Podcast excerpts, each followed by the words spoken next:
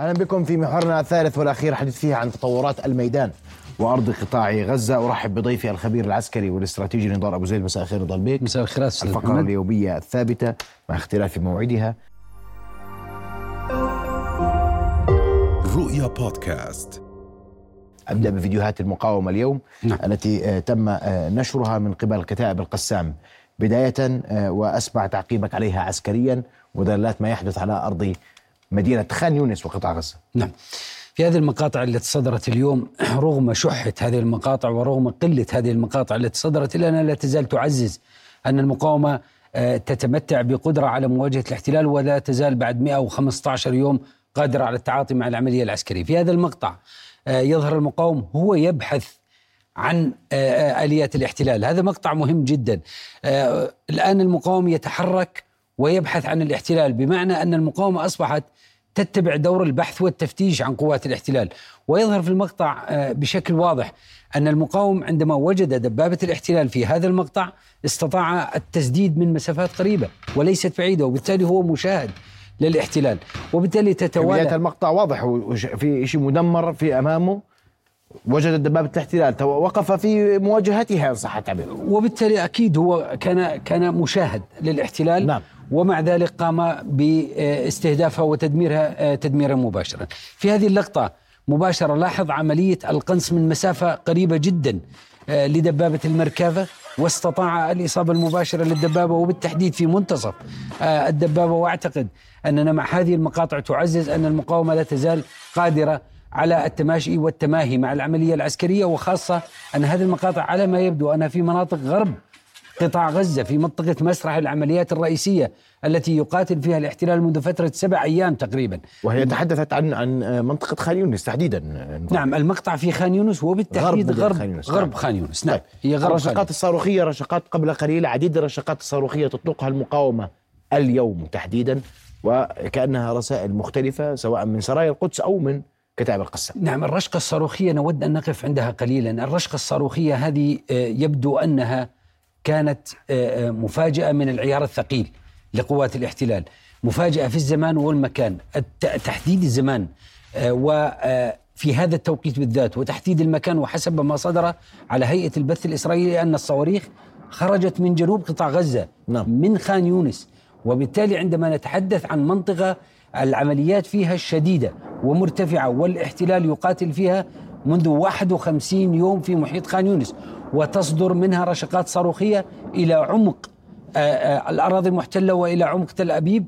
أحد هذه الصواريخ آه، سقط في ريشون لتسيون. بمعنى أننا نتكلم عن من 90 إلى إلى 97 كيلومتر من خان يونس إلى قلب تل أبيب. بالتالي عندما تكون المقاومة تستطيع إطلاق هذه الرشقة الصاروخية ب 15 صاروخ إلى قلب تل أبيب. كنا نتكلم من نبض البلد أن لما طالما المعادلة تقول أن المقاومة لا طالما قادرة على إطلاق الرشقات الصاروخية ولا طالما قادرة على إيقاع خسائر بقوات الاحتلال إذا القيادة والسيطرة لا تزال متماسكة. أتحدث كثيرا عن القيادة والسيطرة من نبض البلد لأنها هي العنصر المهم في أي عملية عسكرية. ما تزال المقاومة قادرة على إصدار الأوامر بإطلاق الرشقات الصاروخية تجهيز الرشقات الصاروخية تحديد فريق إطلاق الرشقات الصاروخية. إذا نحن أمام منظومة متكاملة سلسلة قرار عسكري متكامل تصدر من خان يونس منطقة العمليات الرئيسية أو ما يعرف وما يدعي الاحتلال بأنها ال center of gravity مركز الثقل الاستراتيجي للمقاومة في خان يونس. إذا المقاومة تقول وتعزز ما تكلمنا به أمس. نحن هنا قادرين على استهداف قلب تل أبيب وقادرين على إزعاج الجانب الإسرائيلي.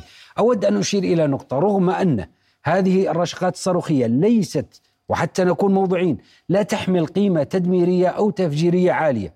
إلا أنها تحمل قيمة إعلامية كبيرة جدا تحمل إشارات يراد منها إرسالها إلى الشارع الإسرائيلي من ناحية وإلى جنرالات جيش الاحتلال من ناحية أخرى. حتى تقول المقاومة للشارع الإسرائيلي جنرالاتكم يكذبون عليكم السياسيين يكذبون عليكم لازلنا قادرين ولم يتم تجريد المقاومة من أسلحتها أو إضعاف المقاومة حسب ما يدعي الاحتلال. نعم. بالتالي هذه الرشقة كانت مهمة جدا من حيث الزمان والمكان نعم. والمسافة أيضا فيديو آخر لسرايا القدس أهداف تموضع لجنود الاحتلال وسرايا القدس تبث هذه آه، الفيديوهات التي تثبت وتوضح بشكل مباشر الاشتباك مع قوات الاحتلال والاستهداف في مختلف مناطق الاشتباك. هذه المقاطع صدرت وحسب ما ذكرت المقاومة في المقطع المصور من غرب شمال قطاع غزة. إذا نتحدث عن المنطقة التي أعلن عنها يؤاف جالنت وزير الدفاع أنهم يسيطرون عليها ووقفت العمليات العسكرية فيها. ولا زلنا نشاهد استهداف قوات الاحتلال في هذه المناطق. هذه القاعدة لوجستية موجودة شمال قطاع غزة وتم تحديدها تقريبا حسب ما أعلنت المقاومة أنها موجودة في منطقة القواسمي شمال غرب قطاع غزة واستطاعت المقاومة استهداف هذا التجمع في القاعدة اللوجستية لقوات الاحتلال في المنطقة التي تم الإعلان عن تطهيرها وتحريرها. ما هي أهمية المنطقة اللوجستية التي يتم استهدافها؟ نظر بك القدرة التصويرية يعني كل هذه المشاهد دون أن تلتقط كل أجهزة الاحتلال وجود المقاوم ورصده لكل هذا ما لكل ما يحدث. هي فيها بعدين. البعد الأول أن المقاومة آه، لديها القدرة على التعاطي الإعلامي بشكل كبير جدا وتملك الفنيات والتقنيات العالية لتصل إلى هذه الدقة. في التصوير والأمر الآخر أن الاحتلال مغيب جدا عن عمليات الرصد ويبدو أن المؤشر أن جنود الاحتلال وصلوا إلى درجة أنهم قد وصلوا إلى درجة الملل. هم يريدون الخروج من قطاع غزة وشاهدنا في مقاطع الانسحاب يوم أمس كيف كانت الفرحة موجودة على جنود اللواء 55 مظليين أو على جنود اللواء كرياتي. وهذا مؤشر على أن جنود الاحتلال يريدون الخروج بأي ثمن. هم لا لا يهتمون لا لاستمرار السياسيين في مناصبهم والاستثمار في العملية العسكرية سياسيا ولا لجنرالات الجيش التائهين في التخطيط في العملية العسكرية. لا تزال المقاومة أيضا تستطيع إطلاق وحسب ما صدر في هذا المقطع الرشقات آه، أو القذائف الصاروخية من آه، قذائف الهاون من مدافع الهاون باتجاه مناطق وتجمعات قوات الاحتلال في منطقة السودانية. آخر آه، الفيديوهات أيضا لسرايا القدس الجناح العسكري حركة الجهاد الإسلامي وهو في غرب خان يونس. نعم. المنطقة الأكثر شدة في العمليات وهي قذائف هاون تم استهداف فيها عدد من قوات الاحتلال. آه، في هذا المقطع لاحظ عملية التسديد. هو المقاوم يقوم بمسك المدفع بيده بدون المنصب وبدون ما يعرف بالقاعدة لمدفع الهاون. معروف لمدفع الهاون ثلاث قطع رئيسية قاعدة الهاون ومنصب الهاون مدفع الهاون والجهاز التوجيه. هذا القذف أو عملية الإرسال أو عملية قذف القذائف تتم بدون جهاز توجيه بدون القاعدة لهذا المدفع وبدون أيضا آه، منصب لهذا المدفع. وهذا يعطي مؤشر عن الإدارة والإرادة الموجودة لدى المقاوم بأنه يريد رغم عدم توفر الإمكانيات هو يريد قصف قوات الاحتلال ولا يتوقف على توفر أو عدم توفر التجهيزات. وبالتالي الهاون تكلمنا أكثر من مرة أن هذا المدفع يلزم نقطتين رئيسيات اتجاه ومسافة. إذا توفرت الاتجاه والمسافة هذا إبداع واحترافية تظهر أن المقاومة لا تزال تريد إيقاع الخسائر في قوات الاحتلال رغم عدم توفر الإمكانيات ونرى كيف يتم استخدام مدفع الهاون بيد المقاوم يستخدم المدفع بدون منصب ولا قاعدة إرسال. نعم. طيب آخر التطورات الميدانية نضال بك. الخسائر على الأرض والأرقام لا تزال ثابتة فيما يتعلق بالقتلى الموقع الرسمي لجيش الاحتلال لم ينشر اليوم عن القتلى ما زال الرقم ثابت 557 و220 منذ بدء العملية البرية وبالتالي ما تزال قوات الاحتلال تتخوف من أرقامها المتعاظمة ونحن نتكلم عن اليوم الرابع. لم يتم نشر أي رقم فيما يتعلق بالقتلى. بل تم الإعلان عن الإصابات اليوم الإصابات منذ بدء العملية العسكرية وحسب ما أعلن الاحتلال وصلت إلى 2771 إصابة. هذا الإعلان الرسمي من الاحتلال وبالتالي أرقام الاحتلال لا تزال منضبطة نوعا ما إعلاميا رغم أن الأرقام تفوق هذه الأرقام بكثير.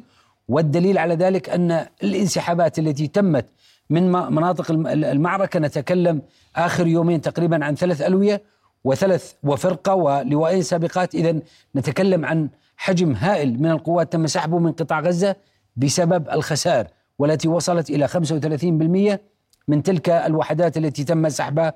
هذا يؤكد أن الأرقام للاحتلال هي أرقام غير حقيقية لكن نتعامل معها من نبض البلد حتى نثبت أن أرقام الاحتلال رغم أنه يقوم بنشر هذه الأرقام إلا أن هذه الأرقام تحمل درجة عالية جدا من ال- ال- عدم المصداقية ومن عدم الشفافية في التعامل مع الشارع وتعطي. دلاله أن الأرض تقول غير ذلك. نعم. تصريحات اليوم جيش الاحتلال بأنه آه، يقبل بأي مفاوضات آه، يقبل بالرأي السياسي إذا ما أراد هدنة في قطاع غزة. برأيك لماذا جاء هذا التصريح اليوم؟ هذا إنجاز جديد للمقاومة. آه، جيش الاحتلال أراد آه، دفع المقاومة للذهاب إلى المفاوضات تحت ضغط العملية العسكرية في خان يونس. إلا أنه فشل في ذلك اليوم مع إطلاق هذه الرشقة الصاروخية أعتقد أنها تأثرت على الجانب الإسرائيلي بشكل كبير جدا.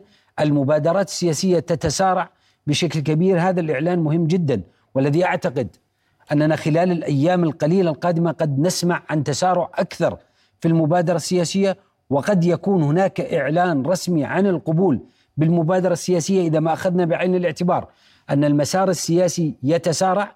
قو- ال- الاحتلال الجانب السياسي من الاحتلال الآن بدأ على ما يبدو يرضخ أكثر لشروط المفاوضة وبالتالي لشروط المقاومة وبالتالي هو يريد أصبح يريد المفاوضات لكن بشكل مرسوم له حتى يخرجه من مأزق غزة ولا يخرجه بشكل الهزيمة بالتالي أنا أعتقد أن المسار السياسي آه، آه، يتسارع والمسار السياسي يتم الضغط عليه دوليا لأن الرسالة بدأت واضحة أمام الاحتلال أنكم لغاية 115 يوم لغاية الآن لم تستطيعوا تحقيق أي إنجاز يذكر على الأرض. الجانب الأمريكي لا يستطيع التحمل أكثر من ذلك. شرعية أو إطفاء الشرعية على العملية العسكرية لا يمكن تحملها أكثر من ذلك في ظل التشابكات البيئة الإقليمية والدولية. وبالتالي أعتقد أننا خلال الأيام القليلة القادمة إن لم يكن غدا قد نسمع عن صيغة ما لمبادرة ظل بيك خمس تخرج. أيام تفصلنا عن أربع أشهر للعملية العسكرية. نعم. صحيح؟ صحيح. وهذا رقم يعني لا يمكن أن يتحمله أحد. رقم كبير. أتحدث كجيش نظامي. نعم رقم كبير. وبالتالي رغم كل إعلان الاحتلال انه سيطر على مناطق أود أن أشير إلى نقطة أن هذا النوع من العمليات لا يهم فيه الجغرافيا، الجغرافيا في هذا النوع من العمليات لا تعطي قيمة مضافة لمن يحتلها، على العكس تماما أن احتلال الجغرافيا والمناطق في هذا في هذا الشكل من العمليات هو يعطي قيمة للمدافع لأن المدافع يكون آه، قد تمكن بإيقاع خسائر أكبر بالقوات المهاجمة التي تسيطر على مثل هذه العمليات على على المناطق الجغرافية. وهذا ما أكدته المقاومة من خلال السيطرة آه، سيطرة الاحتلال على مناطق شمال قطاع غزة وأوقعت فيه خسائر ثم انسحب من شمال قطاع غزة واعادت إنتاج نفسها مدنيا في مناطق شمال قطاع غزة. وأعتقد أن هذا السيناريو سيتكرر أيضا في مناطق الجنوب من قطاع غزة وبالتحديد في مناطق آه، خان يونس. الانسحاب أقرب من من من غزة اليوم والوقوف على تخوم غلاف غزة إذا ما أشرنا إلى المنطقة العازلة التي يريدها الاحتلال آه، المعادلة يبدو ال- كما تتحدث أستاذ محمد أن الانسحاب بات أقرب آه، لقوات الاحتلال من مناطق القتال باتجاه مناطق غلاف قطاع غزة بالتحديد باتجاه المنطقة العازلة وأن المبادرة السياسية باتت أقرب آه، من مما كنا نتحدث عنه آه، سابقا. يعني متى ستكون المبادرة السياسية لا أحد يعلم- لكن غدا ندرس واقع الحال تحديدا في خان يونس محاور التقدم وأين وصلت الأمور. رسالة أخيرة نظر بك أعتقد أننا آه، خلال الساعات الأيام القليلة القادمة قد نشاهد أمرين ضروريات لأن المقاومة بدأت تمسك بخيوط اللعب على الشارع الإسرائيلي بعد الرشقة الصاروخية اليوم.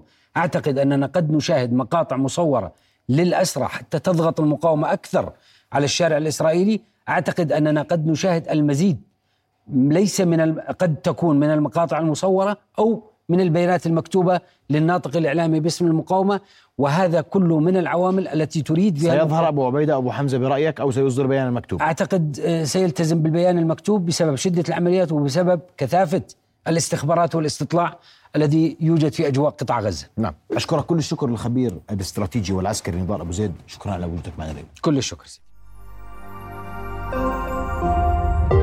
رؤيا بودكاست